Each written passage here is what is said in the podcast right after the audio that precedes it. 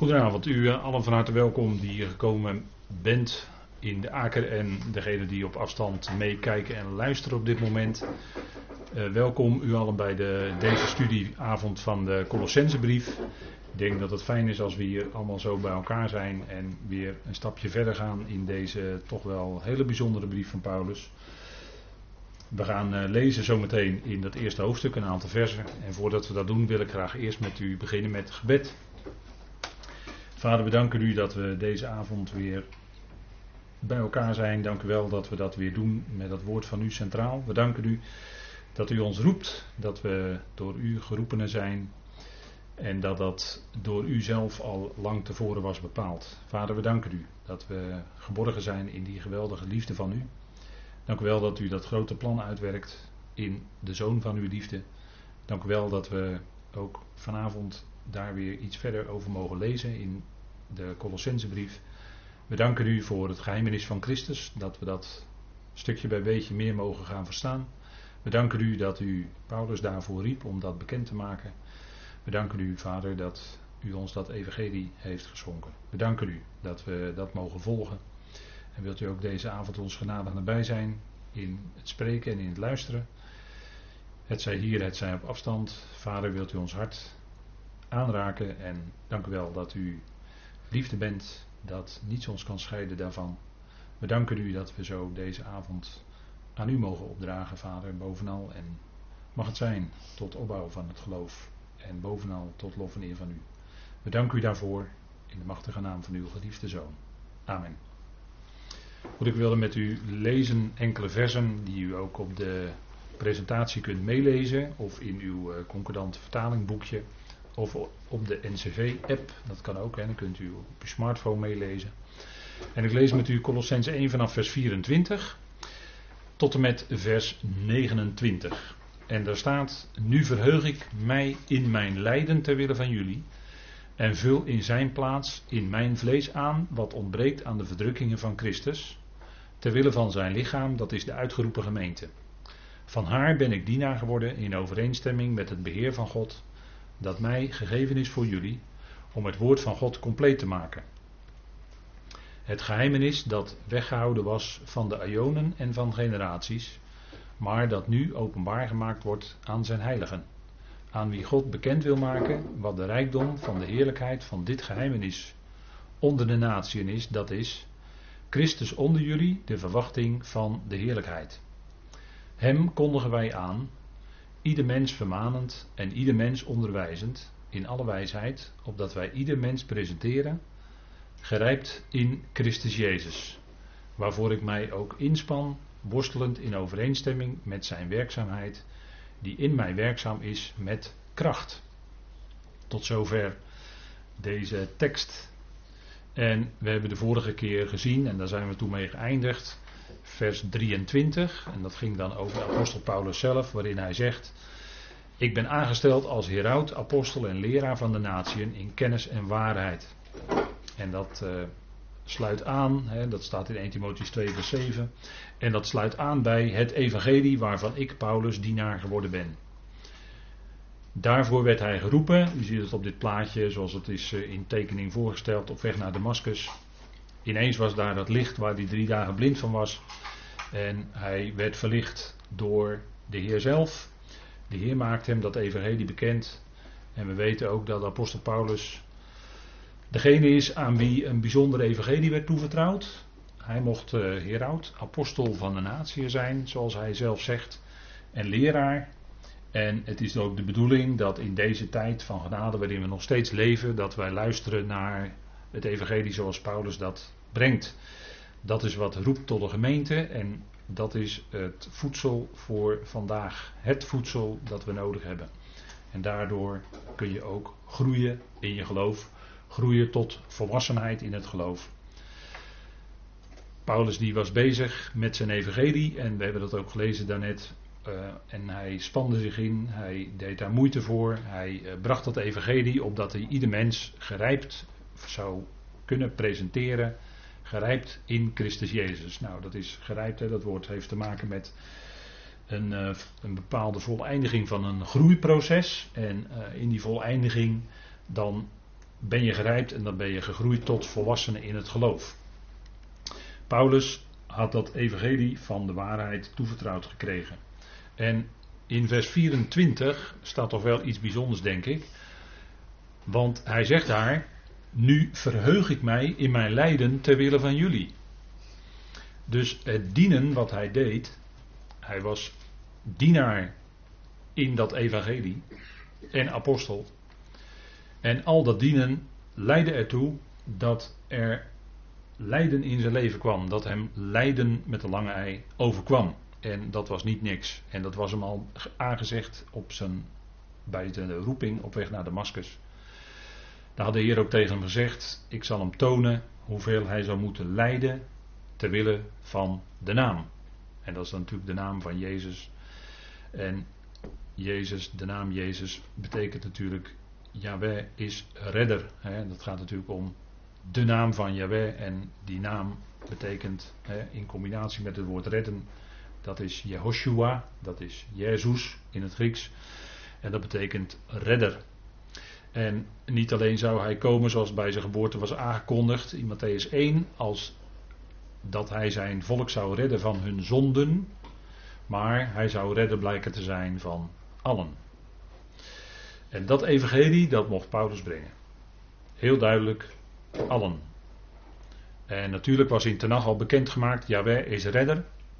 Niet alleen van Israël, maar Yahweh werd via Israël ook voorgesteld door de profeten als redder van de volkeren, maar dat zou dan zijn via Israël. Israël was bedoeld, zegt Jezaja 49, als licht van de natieën.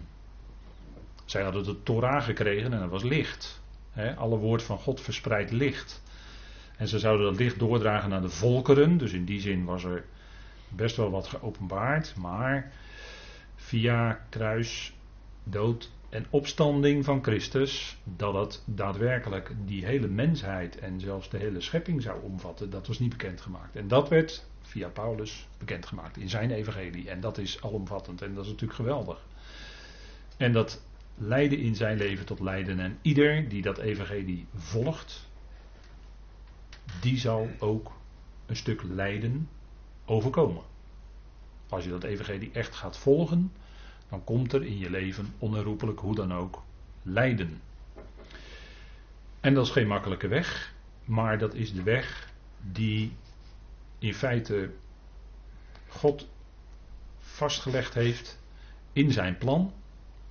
De weg van het lijden met lange ei is in feite iets dat ieder mens overkomt, want ieder mens wordt geboren als stervend, en aan dat stervensproces zit ook automatisch lijden verbonden. Maar hier gaat het om specifiek lijden. Dit is lijden met het evangelie. En daarin, Paulus constateerde dat in zijn leven. Het was hem natuurlijk al bij aanvang aangezegd. Maar hij constateerde dat en, dat en daarvan zegt hij dus hier: Nu verheug ik mij in mijn lijden ter wille van jullie. Dus hij leed voor die Colossense, hij leed voor die gelovigen en daarin verheugde hij zich. En natuurlijk, u weet het, in die woordfamilie verheugen, eh, vreugde, blijdschap, eh, gunst zit ook genade. En Paulus ervoer dat ook, en dat zegt hij elders, daar komen we nog op, als genade. Hij ervoer dat lijden ook als genade in zijn leven. Want op het eerste gezicht, als je dit zo leest, nu verheug ik mij in mijn lijden te willen voor jullie, zou je denken als mens van, hè, lijden, moet je, moet je, of kun je je daar dan in verblijden? Uh, ja, Paulus wel. Paulus verblijde zich daarin. En dat was de weg die de Heer voor hem had uitgestippeld. En hij leed ter wille van jullie, staat er hè. Ten goede, dat wil zeggen ten goede. En het punt is dat uh, achter dat dienstbetoon wat de apostel Paulus deed, dat deed hij uit liefde. Die liefde van God was ook in zijn hart natuurlijk uitgegoten. En dat dienstbetoon deed hij uit liefde allereerst tot God, maar ook uit liefde voor die mensen, uit liefde voor de medegemeenteleden, uit liefde voor allen die hij eigenlijk ontmoeten. Gods liefde zoekt zichzelf niet, hè, zegt 1 eh, Korinthe 13, vers 5. Daarin zie je dit. Hè. Gods liefde zoekt niet zichzelf. En dat is toch wel een punt, hè? De mens in zijn natuurlijke situatie is altijd bezig voor zichzelf. En zielse mensen zijn dat ook. En het verandert als Gods geest in je komt wonen. En daarmee ook Gods liefde. Dat dan die beweging niet meer wordt. Alles wat je doet is voor jezelf, naar jezelf toe. Maar wordt steeds meer naar die ander toe. Gods liefde, hè, er staat in 1 Korinthe 13 vers 5. De liefde zoekt zichzelf niet. En kun je zeggen dat is negatief gesteld. Goed, als ik het positief stel, dan is het de liefde zoekt dus de ander. God heeft die ander op het oog. En dat is wat ook in een mensenleven gaat veranderen. Dan ga je anders gericht worden. Dan ga je op die ander gericht worden vanuit Gods liefde. Niet in, in de zin van humaniteit, want dat is nog van mens tot mens. En dan probeert de mens het uit zichzelf. Met alle goede bedoelingen, daar gaat het helemaal niet over. Maar het gaat erom dat daar waar we betrokken zijn bij die ander, daar waar we die ander liefde willen betonen, of waar we die ander betrokken zijn bij die ander, dat het voortkomt uit de liefde van God. En zo was de apostel Paulus bezig. En Paulus zegt ook in zijn brief op diverse plaatsen: Word mijn navolgers. En dat ging niet om hemzelf natuurlijk, want in zijn leven kreeg Christus gestalte. Hij beleed dat ook in een gelaten brief: Niet meer ik, maar Christus leeft in mij. En in die zin bedoelt hij dan: Word mijn navolgers. En was Timotheus ook. Hè. Timotheus volgde hem na. En in die zin is Timotheus, ook Timotheus een voorbeeld voor ons. En in 1 Corinthië 13 vers 7 staat ook, de liefde verdraagt alles. Dat wil zeggen, de liefde blijft onder alles staan, of blijft onder alles, wat ook je overkomt, maar die liefde blijft. En dat is het wonderlijke wat je ziet gebeuren in het leven van de apostel Paulus. Die liefde die uh, bracht hem ertoe om ook in hele moeilijke situaties die anderen die hem belaagden, bij wijze van spreken, toch te blijven liefhebben. En natuurlijk, hij zal altijd, hè, dat had hij natuurlijk van de verheerlijkte Heer gehoord, heb je vijanden lief, bid voor je vijanden. En hij zegt dan ook op een gegeven moment dat als hij het heeft, uh, over het punt heeft dat hij. Uh, voor de rechter gedaagd werd, dat hij er alleen voor stond, dat anderen dus op dat moment niet bijstonden. En dan zegt hij ook, het worden hun niet aangerekend. dat zegt hij in Timotheus, tweede Timotheusbrief. Het worden hun niet aangerekend. Kijk, eh, de liefde rekent het kwade niet toe. En ik denk dat, dat voordat je dat als mens kan, dat je bij die ander die jij in je leven ontmoet, die jou kwaad berokkent, uh, dat je dat bij die ander niet toerekent. Maar dat je die ander blijft liefhebben. Ik denk dat je dat niet zelf kunt, maar dat die liefde van God in je je ertoe kan bewegen om ook zo te zijn zoals Paulus was. En Paulus die bleef eronder. En ik vind het altijd heel wonderlijk als je leest in Handelingen 14, toen hij in Lystra gestenigd werd, dat hij wonderlijk genoeg dat overleefde. En dat hij daarna Lystra weer inging. Dat, dat is, dan zou je zeggen van nou, maken dat je wegkomt en nooit meer in de stad Lystra terugkomen. Of ik weet niet of het een stad of een dorp was. Dat doet er ook niet toe. Maar ik zou dan nooit meer in zo'n plaats terug willen keren. Paulus wel, die keerde terug in diezelfde plaats. Dat is toch heel wonderlijk. Hè? Dat er dan toch die plek waar, die, waar de mensen woonden, door wie die gestenigd was, hij ging toch weer terug naar die plek dat is de liefde van God die hem bewoog. En, en daarin kun je zien dat hij uh, radicaal veranderd was. voorheen was hij heel anders bezig. En dat is natuurlijk een stuk groei die hij doormaakte. En we lezen dat ook, u ziet daar de tekstverwijzing bij staan, 2 Timotheus 2 vers 10, laten we dat ook even bijpakken. Want het, het, het punt is even op dit moment dat uh, Paulus zegt in 1 Corinthië 13, de liefde verdraagt alles. Of in alles, kun je misschien ook vertalen, hè, blijft in alles eronder. En dan zegt hij in 2 Timotheus 2 vers 10, om die reden volhard ik, daar heb je dat woord verdragen, volharden weer, in alles omwille van de uitgekozenen, opdat ook zij deel krijgen aan de redding in Christus Jezus met eonische heerlijkheid. Dus zijn hele leven was erop uit, zijn hele dienst was erop uit, zodat die gelovigen steeds die redding te horen kregen, daarbij bleven en met het geweldige uitzicht Ionische heerlijkheid. En natuurlijk konden ze die redding niet verspelen. Maar hij volhardde in alles om, ze, om die gelovigen te blijven steunen met dat, met dat evangelie, met, met alles wat in hem was. En hij zegt om die reden volhard ik in alles. Dus hij gooide niet het bijltje erbij neer, maar hij ging door. En naar de mens gesproken waren er genoeg situaties geweest waarin die best het bijltje er had kunnen, bij neer kunnen gooien. En dat hadden we misschien dan wel heel goed kunnen begrijpen ook. En hier zegt hij toch iets anders. Hè? Om die reden volhard ik in alles. En wat daaronder ligt, waar dit uit voortkomt, is die liefde van God, die agape. Die werkte in hem. En die liefde die gaat veel verder dan alleen menselijke genegenheid. Of broederlijke liefde, hè? Philadelphia. Dat is nog een genegenheid van, nou ik vind jou wel aardig en daarom ga ik met je om.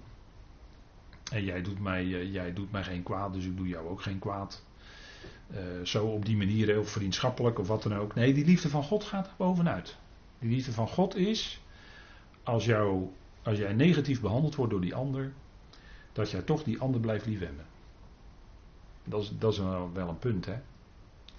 En dat betekent dus ook, als jouw onrecht wordt aangedaan, dat speelde in die gemeente van Korinthe, als jouw onrecht wordt aangedaan, dat je, niet je, dat je, je die ander niet voor de rechter gaat slepen of wat dan ook. Of dat je die ander niet voor andere broeders gaat slepen. Van moet je eens kijken wat die mij heeft aangedaan. Dan doen jullie daar nou eens een uitspraak over. Nee. Je leidt dat onrecht. Met de lange ei. Je ondergaat dat onrecht. En dat is niet makkelijk voor een mens. Maar dat is wel de weg die de liefde wijst. De heer Jezus zei toch al in de bergreden: heb je vijanden lief? Of bid voor je vijanden. Nou, Paulus zegt in het verlengde daarvan, in Romeinen 12, en dat is gebaseerd op het evangelie van verzoening, Romeinen 5, verzoening, daarop gebaseerd is, je houdt vrede met alle mensen en je bidt voor degene die jou vervolgen. En je spreekt goed, zelfs. He, zegent wie u vervolgen. Zegent en vervloekt niet. Nou, dat is, dat is de weg van de liefde, dat is de weg van de verzoening. En dat is wat Paulus ons voorleefde. En daarin, ook hier, nu die bijzondere uitspraak. Nu verheug ik mij in mijn lijden ter wille van jullie. Nou, dat is toch bijzonder. Hè? Dat het, hij zag dat als genade, hij zag dat, eh, dat, dat, dat verheugde hem van binnen. Hoe moeilijk zijn omstandigheden ook waren, dat hij leed en dat was ter wille van die anderen. Dat, dat, is, ja, dat gaat heel ver. Hè? De liefde verdraagt alle dingen. En dan zegt hij ook de verdrukkingen van Christus ter wille van zijn lichaam, dat is de uitgeroepen gemeente. Dus hij onderging de verdrukkingen van Christus ter wille van zijn lichaam, dat is de uitgeroepen gemeente. Dus hier, hè, vorige eh, woorden die we aanhaalden, zou je nog kunnen zeggen, nou dat is ter wille van jullie, die Colossense. Maar hier is het nog breder, veel breder. Hier is het ter wille van zijn lichaam. Dat is de uitgeroepen gemeente. Dus dan gaat het om die totaliteit. En hier spreekt hij over verdrukkingen. En verdrukkingen, dat is iets dat ook niet prettig is voor een mens. Want in verdrukkingen, dat heeft te maken met onder druk staan of samen gedrukt worden. Uh, en dat is van buitenaf. Er is een ander woord wat duidt op benauwdheid van binnen. Maar dat wordt hier niet gebruikt. Hier is druk van buitenaf. En kijk, Christus die leed als dienaar van de besnijdenis. Christus in zijn aardse bediening, was hij dienaar van de besnijdenis om de belofte van de vaderen te bevestigen, zegt Paulus in Romeinen 15. Dus zijn dienstbetoon op aarde van de Heer was beperkt tot de verloren schapen van het huis van Israël, zegt hij in Matthäus zelf. Hè? En hij leed dus als dienaar van de besnijdenis. En Paulus, die had een bijzondere bediening gekregen van de verheerlijkte Heer. En die leidt als heraut, apostel en leraar van de natieën. Dat zegt hij ook ehm, in uh, ook die tweede Timotheusbrief. U ziet daar die tekst onder genoemd. 2 Timotheus 1 vers 11 en 12. En daarin zegt hij ook, en dat lees ik even met u, waartoe ik aangesteld werd als heraut en apostel en leraar van de natieën. En dan zegt hij in vers 12 erbij, om die reden leid ik dit ook, maar ik ben niet beschaamd, want ik weet wie ik geloofd heb en ik ben ervan overtuigd dat Hij bij macht is het mij toevertrouwde te bewaken tot die dag. Nou, en die dag is natuurlijk hier de dag van Christus. Hè? De dag waarin hij eerst voor de Bema gesteld zal worden en wij allen voor die Bema gesteld zullen worden. Het erepodium is dat, waar de prijzen worden uitgereikt, het loon wordt gegeven. Dat is de Bema. En dat moeten we toch sterk onderscheiden van de grote witte troon. Ik kreeg daar laatst nog een vraag over. Iemand die dacht dat hetzelfde was, maar nee, de, de Bema, of de, zoals het in de NBG-vertaling staat, de rechterstoel van Christus, waarover gesproken wordt in Romeinen 14 en bijvoorbeeld in 2 Korinthe 5 vers 10. Dat is de Bema en dat is een ander moment dan de grote witte troon. De grote witte troon is ruim duizend jaar later. De Bema is direct als wij weggenomen zijn, als wij snel weggenomen zijn van de aarde, als lichaam van Christus, dan zullen wij gesteld worden bij of op voor de Bema. Dat is het erepodium. Er was in die tijd in de steden een verhoging waarop recht gesproken werd. Of waarop beslissingen werden genomen. En die verhoging die is dan, dat, dat erepodium, dat, dat is natuurlijk een beeld, maar dat is dan voor de gelovigen. En wij zullen daarvoor gesteld worden. En Paulus heeft het dan over die dag, dat is de dag van Christus. Hij leefde gericht op die dag, de dag van Christus. Waarin wij allen gesteld zullen worden voor de Bema. En zo was Paulus ook bezig. Hij was niet bezig om nou zoveel mogelijk loon te verzamelen. Maar hij wist wel dat de Heer hem zou belonen. Maar dat was dan voor het werk wat de Heer door hem heen had gedaan. En dat is zo, zo spreekt hij er ook over in 2 Korinthe 5, vers 10. He, opdat wij daar terug ontvangen wat wij door het lichaam hebben verricht. He, 2 Korinthe 5 vers 10. Door het lichaam. Dat is ons lichaam nu, dit hier. En wat we daardoor verricht hebben, dat zal daar aan de orde komen. En dan staat erbij, het zij goed, het zij slecht. Ja, dat komt ook aan de orde. Ja. Geen zonden, dat is voorbij. Maar wel wat wij gedaan hebben door lichaam tot op dat moment, het zij goed, het zij slecht. En dan slecht zal dan verbranden, dat is hout, hooi en stro, laat ik het zo maar even zeggen. En goed is dan goud, zilver en kostbare stenen. En dat kan de test van het vuur doorstaan. En dat zal dan blijven, dat kunnen we dan zien als loon. Paulus die diende als heraut, apostel en leraar van de natie en dat bracht ook lijden. Om die reden, zegt hij in 2 Timotheüs 1 vers 12, leid ik dit ook. Maar ik ben niet beschaamd, want het evangelie stelt je nooit beschaamd. Met dat evangelie kom je nooit beschaamd uit. Want ik weet wie ik geloofd heb. En ik ben ervan overtuigd dat hij bij macht is. Nou, dat is, geldt ook voor ons. Het, eh, wat, wat ons is toevertrouwd. Hij is bij macht dat te bewaren of te bewaken. Dat is hetzelfde woord een beetje in het Grieks. Tot die dag. En dat doet hij ook. En dat was Paulus' vreugde daarbij. Hè? En dit zegt hij dus met een vreugdevolle ondertoon. Om die reden leid ik dit ook hij, op dat moment was hij in gevangenschap. bij wijze van spreken als was hij een misdadiger, maar tegelijkertijd zei hij ook: het woord van God is niet gebonden. Hij was wel op dat moment in gevangenschap, dus beperkt. En daardoor ook uh, in verdrukking. En er waren er ook zelfs die uh, probeerden door hun optreden Paulus nog meer verdrukkingen te bezorgen. Nog meer, uh, ja, nog meer druk op hem te leggen. Maar hij verheugde zich dat nochtans Christus werd verkondigd. Daar ging het om. En hij verheugde zich daarmee in zijn lijden. Lijden met het evangelie. En dat hebben we ook gezien met de Filippense brief. En dat wil ik toch nog even naar voren halen. Want aan jullie is de genade geschonken voor Christus. Niet alleen in hem te geloven, maar ook voor hem te lijden. Dus het is een hele bijzondere vorm van lijden. Hè? Dus niet het algemene lijden wat ons allemaal overkomt als stervelingen.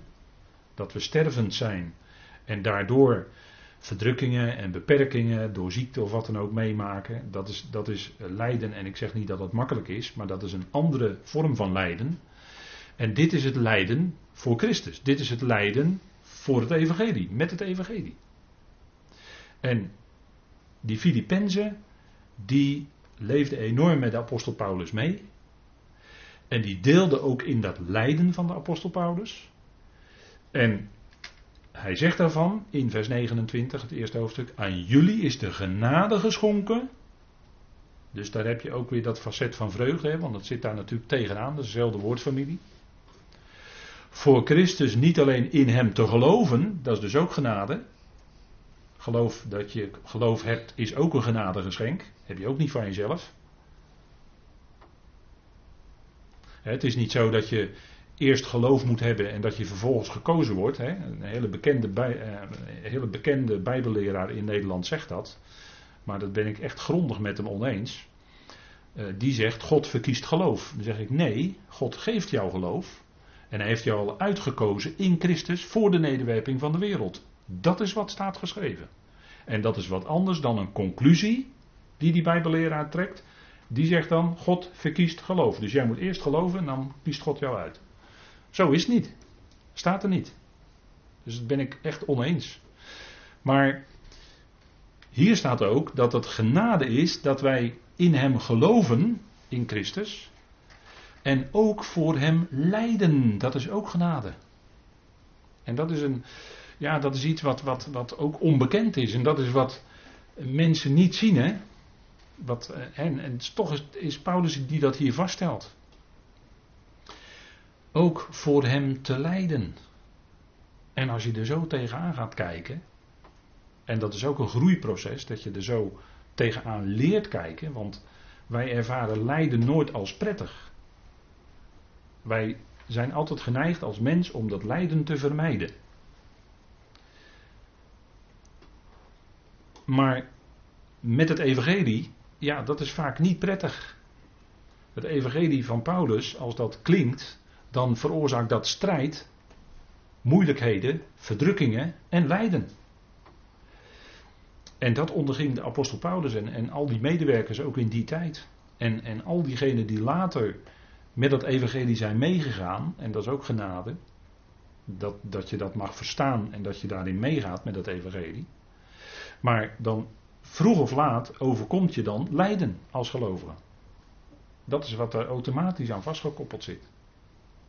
En natuurlijk is het perspectief daarachter is dat het niet alleen het lijden nu is, maar het zal ons brengen tot heerlijkheid. Het zal ons heerlijkheid brengen. En dat is ook een deel van het loon. Zo zou je dat misschien mogen zien. Dat is ook een deel van het loon wat we dan straks uitgekeerd zullen krijgen. Dat is heerlijkheid. Heerlijkheid. En dat is oneindig. Dat is uh, sowieso eonisch. Hè? We hebben net gelezen met eonische heerlijkheid.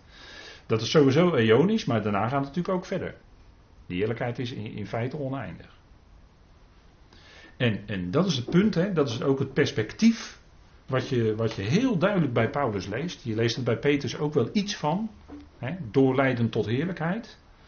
Maar bij Paulus lees je echt de volle breedte en de volle rijkwijde en de volle diepte van die heerlijkheid die gaat komen. En dat is natuurlijk iets wat geweldig is. En als je dat voor ogen hebt en als je iets gezien hebt door geloof, eh, mag ik het zo zeggen, met je innerlijke verlichte ogen van het hart, van die heerlijkheid, ja, dan, dan ja, dat is zoiets geweldigs. Daar, daar, daar kun je natuurlijk ook nooit meer los van komen. Dat is eigenlijk onmogelijk. En, en toch kan het gebeuren dat, dat, dat uh, geloof bij, bij sommigen uh, wegslijt of dat het geloof schipbreuk leidt. dat gebeurt, uh, dat, dat beeld gebruikt Paulus natuurlijk wel. In, in, in, Timotheus noemt hij dat. Geloof kan schipbreuk leiden, ja. Dat zegt niets over of je wel of geen lid bent van het lichaam van Christus, maar je geloof in de praktijk kan wel schipbreuk leiden. Door, door, door leringen. Ik had het de vorige keer over allerlei wind van leer. Dat onmondigen daardoor heen en weer geslingerd worden. Dat is het beeld ook van een schip, hè, zwalken. Op de, de golven van de leringen, in de, in de wind van de leringen meezwalken. Dat is, een, dat is een kenmerk van de onmondigheid. En dan kan het zijn dat je schipbreuk leidt. Je geloof dat schipbreuk leidt, kan dat, je, dat er koud vuur in je werkt. Nou, zo was dat in Paulus' dagen. Maar Paulus die zegt dus, kijk, dat is genade, Filippenzen, dat jullie met dat evangelie lijden. Maar het zal leiden tot heerlijkheid. En dan zegt hij ook iets bijzonders hier. En vul ik in zijn plaats, in mijn vlees aan, dat is nog steeds vers 24, wat ontbreekt aan de verdrukkingen van Christus. En zegt u, wacht even, um, vul in zijn plaats in mijn vlees aan wat ontbreekt aan de verdrukkingen van Christus. En dan ben je misschien een hele snelle denker en dan zou je kunnen zeggen, ja wacht eens even, is nou dat wat Christus gedaan heeft, is dat niet voldoende? Is dat dan incompleet? Nou, kijk, het lijden van Christus wordt soms ook op een bijzondere manier gebruikt in de schrift. En dat lezen we even met elkaar in 2 Korinthe 1 vers 5 daar wordt die uitdrukking gebruikt, 2 Korinthe 1 vers 5. En in 2 Korinthe 1 spreekt Paulus over lijden en verdrukkingen. En verdrukt worden. Dat is daar echt een, zwaar thema in het eerste, eerste hoofdstuk van de tweede Korinthebrief. En dan zegt hij in vers 5. Want zoals het lijden van Christus overvloedig over ons komt, zo is ook door Christus onze vertroosting overvloedig. Dus het lijden van Christus, dus Christus overkwam enorm lijden. En dat leidde zelfs tot de dood van het kruis. Nou, dat lijden voor de waarheid, dat overkwam Paulus ook.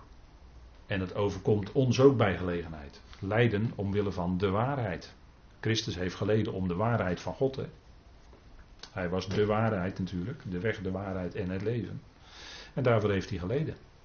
En is altijd als je opkomt voor de waarheid, of als je onderzoek doet naar de waarheid, dan is dat een weg van heel veel moeite en een weg van lijden ook vaak. Dan word je vaak verguisd. En het blijkt vaak pas later, of nog niet eens tijdens je leven, dat je inderdaad bij de waarheid terecht was gekomen. Maar het lijden van Christus, dat is verworpen worden Omwille van het evangelie. En Christus werd dat ook. Verworpen om de dienst. Hij was de Messias. Hij was de vervulling van het woord. Hij was het woord wat vlees werd, wat zichtbaar werd. En te midden van zijn volk wandelde. En de tragiek was dat hij kwam tot het zijne en de zijnen hebben hem niet aangenomen. Dat was lijden. Zijn familie begreep hem niet. De leidslieden van het volk begrepen hem niet. En verwierpen hem. Zelfs zijn eigen discipelen begrepen hem vaak niet. Dat was, dat was allemaal lijden wat hem overkwam. En hij zag om zich heen de zonde van zijn volk. Dat was vooral ongeloof. Daar leed hij onder. En, en het gedrag van zijn volk. Daar leed hij onder. Het lijden van Christus. En Petrus die noemt dat ook een. 1 Petrus 4 vers 13. Dus dat gelovigen ook het lijden van Christus kan overkomen. Dat wil niet zeggen dat je dan ook gekruisigd wordt. Misschien, eh, ja, nou ja, misschien wel figuurlijk, hè. Dat je figuurlijk aan het kruis genageld wordt. Dat je veracht wordt. Als was je een misdadiger, alleen om datgene wat je gelooft. Eh, Peter zegt het in 1 Petrus 4, vers 13. Maar verheug je naar de mate waarin je gemeenschap hebt aan het lijden van Christus. Opdat jullie je ook in de openbaring van zijn heerlijkheid mag verblijden en verheugen. Ziet u het? Petrus trekt ook die lijn, hè? Door lijden heen naar heerlijkheid. Het lijden van Christus. Het lijden van Christus overkwam ook de gelovigen in, die in de lijn stonden van het evangelie van het koninkrijk. En die in de verstrooiing waren, want Petrus richt zijn brief aan de Joodse mensen, hè, de Israëlieten, in de verstrooiing. Maar die, diegenen onder hen die de Messias Jezus beleden, die dat bracht ook in hun leven lijden teweeg. Maar dat is natuurlijk in een andere lijn, een andere evangelie. Maar Paulus spreekt daar ook over in de tweede Korinthebrief, wat we net lazen in het eerste hoofdstuk. Dat het lijden van Christus overvloedig over hem kwam. dat is een principe. Ben je gelovige, dan brengt dat sowieso vaak uh, lijden teweeg. Het lijden van Christus kwam overvloedig zelfs. Maar ook de vertroosting. De vertroosting. De bemoediging. Het bemoedigend toespreken wat de Heer doet. Bemoedigend aanspreken. Hij ondervond die bemoedigingen. En dat werkt ook heel wonderlijk uit. Hè? Als je in lijden en verdrukkingen bent. En je wordt door de Heer vertroost. In die verdrukkingen, in dat lijden. Dan kun jij vervolgens anderen die ook in lijden en verdrukkingen zijn, vertroosten. En misschien werkt dat wel via een boek wat je geschreven hebt en wat er weer bij andere mensen terechtkomt, die ook lijden en verdrukkingen meemaken. Dat kan. Maar het kan ook zijn dat je mensen bezoekt en dat je uh, ja, ook die troost kan delen. Dat zegt hij in vers 4, die ons troost in al onze verdrukking. En wat is verdrukking? Verdrukking is dat je ingeperkt wordt, dat je beperkt wordt. Dat de weg of het pad wat je gaat smal wordt. Verdrukking. En dat kun je in je persoonlijk leven meemaken. In het gezin waarin je bent, of in de familie waarin je bent, of op allerlei manieren. Maar verdrukking meemaken omdat je gelovige bent en je wordt daarin vertroost, zegt Paulus, zodat wij hen kunnen troosten die in allerlei verdrukkingen zijn, met de vertroosting waarmee wij zelf door God getroost worden. Nou, zo werkt dat uit. Hè? Wij kunnen zelf die troost dan weer doorgeven aan anderen. Het bemoedigende toespreken, dat kunnen we doorgeven. Zo werkt dat uit. Hè? Verdrukkingen. Paulus die onderging wat nog ontbrak aan de verdrukkingen van Christus. En dat, uh, dat woord, dat uh, aanvullen, dat heeft ook te, dat heeft te maken met volmaken. Hè? Het punt is dat als we iets, iets die context waarin dit gezegd wordt, iets breder maken en iets breder die context bekijken, dan gaat het natuurlijk in Colossense 1 om de heerlijkheid die uiteindelijk het deel zal zijn van heel die schepping. De schepping leidt, de schepping heeft allerlei, op allerlei niveaus en manieren gebrek, maar dat zal vervuld worden. Veel schepselen zijn nog niet verzoend met God. Dat ontbreekt nog. En dat zal nog ingevuld worden, dat zal nog volgemaakt worden. Zij zullen ook gaan delen in hun ervaring in die verzoening. Natuurlijk is het op Golgotha in principe al tot stand gebracht. Alleen het gaat zich nog uitwerken in de komende eonen. Dat die, al die schepselen wederzijds verzoend met God zullen zijn. En de weg die God daar, daarin bewandelt met zijn schepping, is een weg van lijden en verdrukkingen. Dat is geen makkelijke weg. Maar God heeft dat zo bepaald. Die schepping die is aan de vruchteloosheid ondergeschikt, zegt Paulus in Romeinen 8. Niet vrijwillig. Maar om de wil van hem die die schepping daaraan ondergeschikt heeft. Een punt van onderschikking is natuurlijk een heel belangrijk punt, want daar gaat het ook naartoe. Hè? Maar de schepping is nu al aan dat lijden en die verdrukkingen ondergeschikt. En dat is om te komen, dat zegt Romeinen 8 ook. Hè? Om te komen tot die heerlijkheid. Daar, die hele schepping zal daarin gaan delen. Maar nu is het nog een weg van lijden, van vruchteloosheid, van verdrukkingen, van benauwdheid. En die leden, niet alleen Paulus, maar ook de leden, al die leden van het lichaam van Christus, die ondergaan ook verdrukkingen. En daarmee gaat Christus in hen, ondergaat Christus in hen door zijn geest ook verdrukkingen. Dat is de weg die God gaat. En die verdrukkingen die zullen leiden tot heerlijkheid. Dat staat voor ogen, dat staat vast. Dat gaat komen.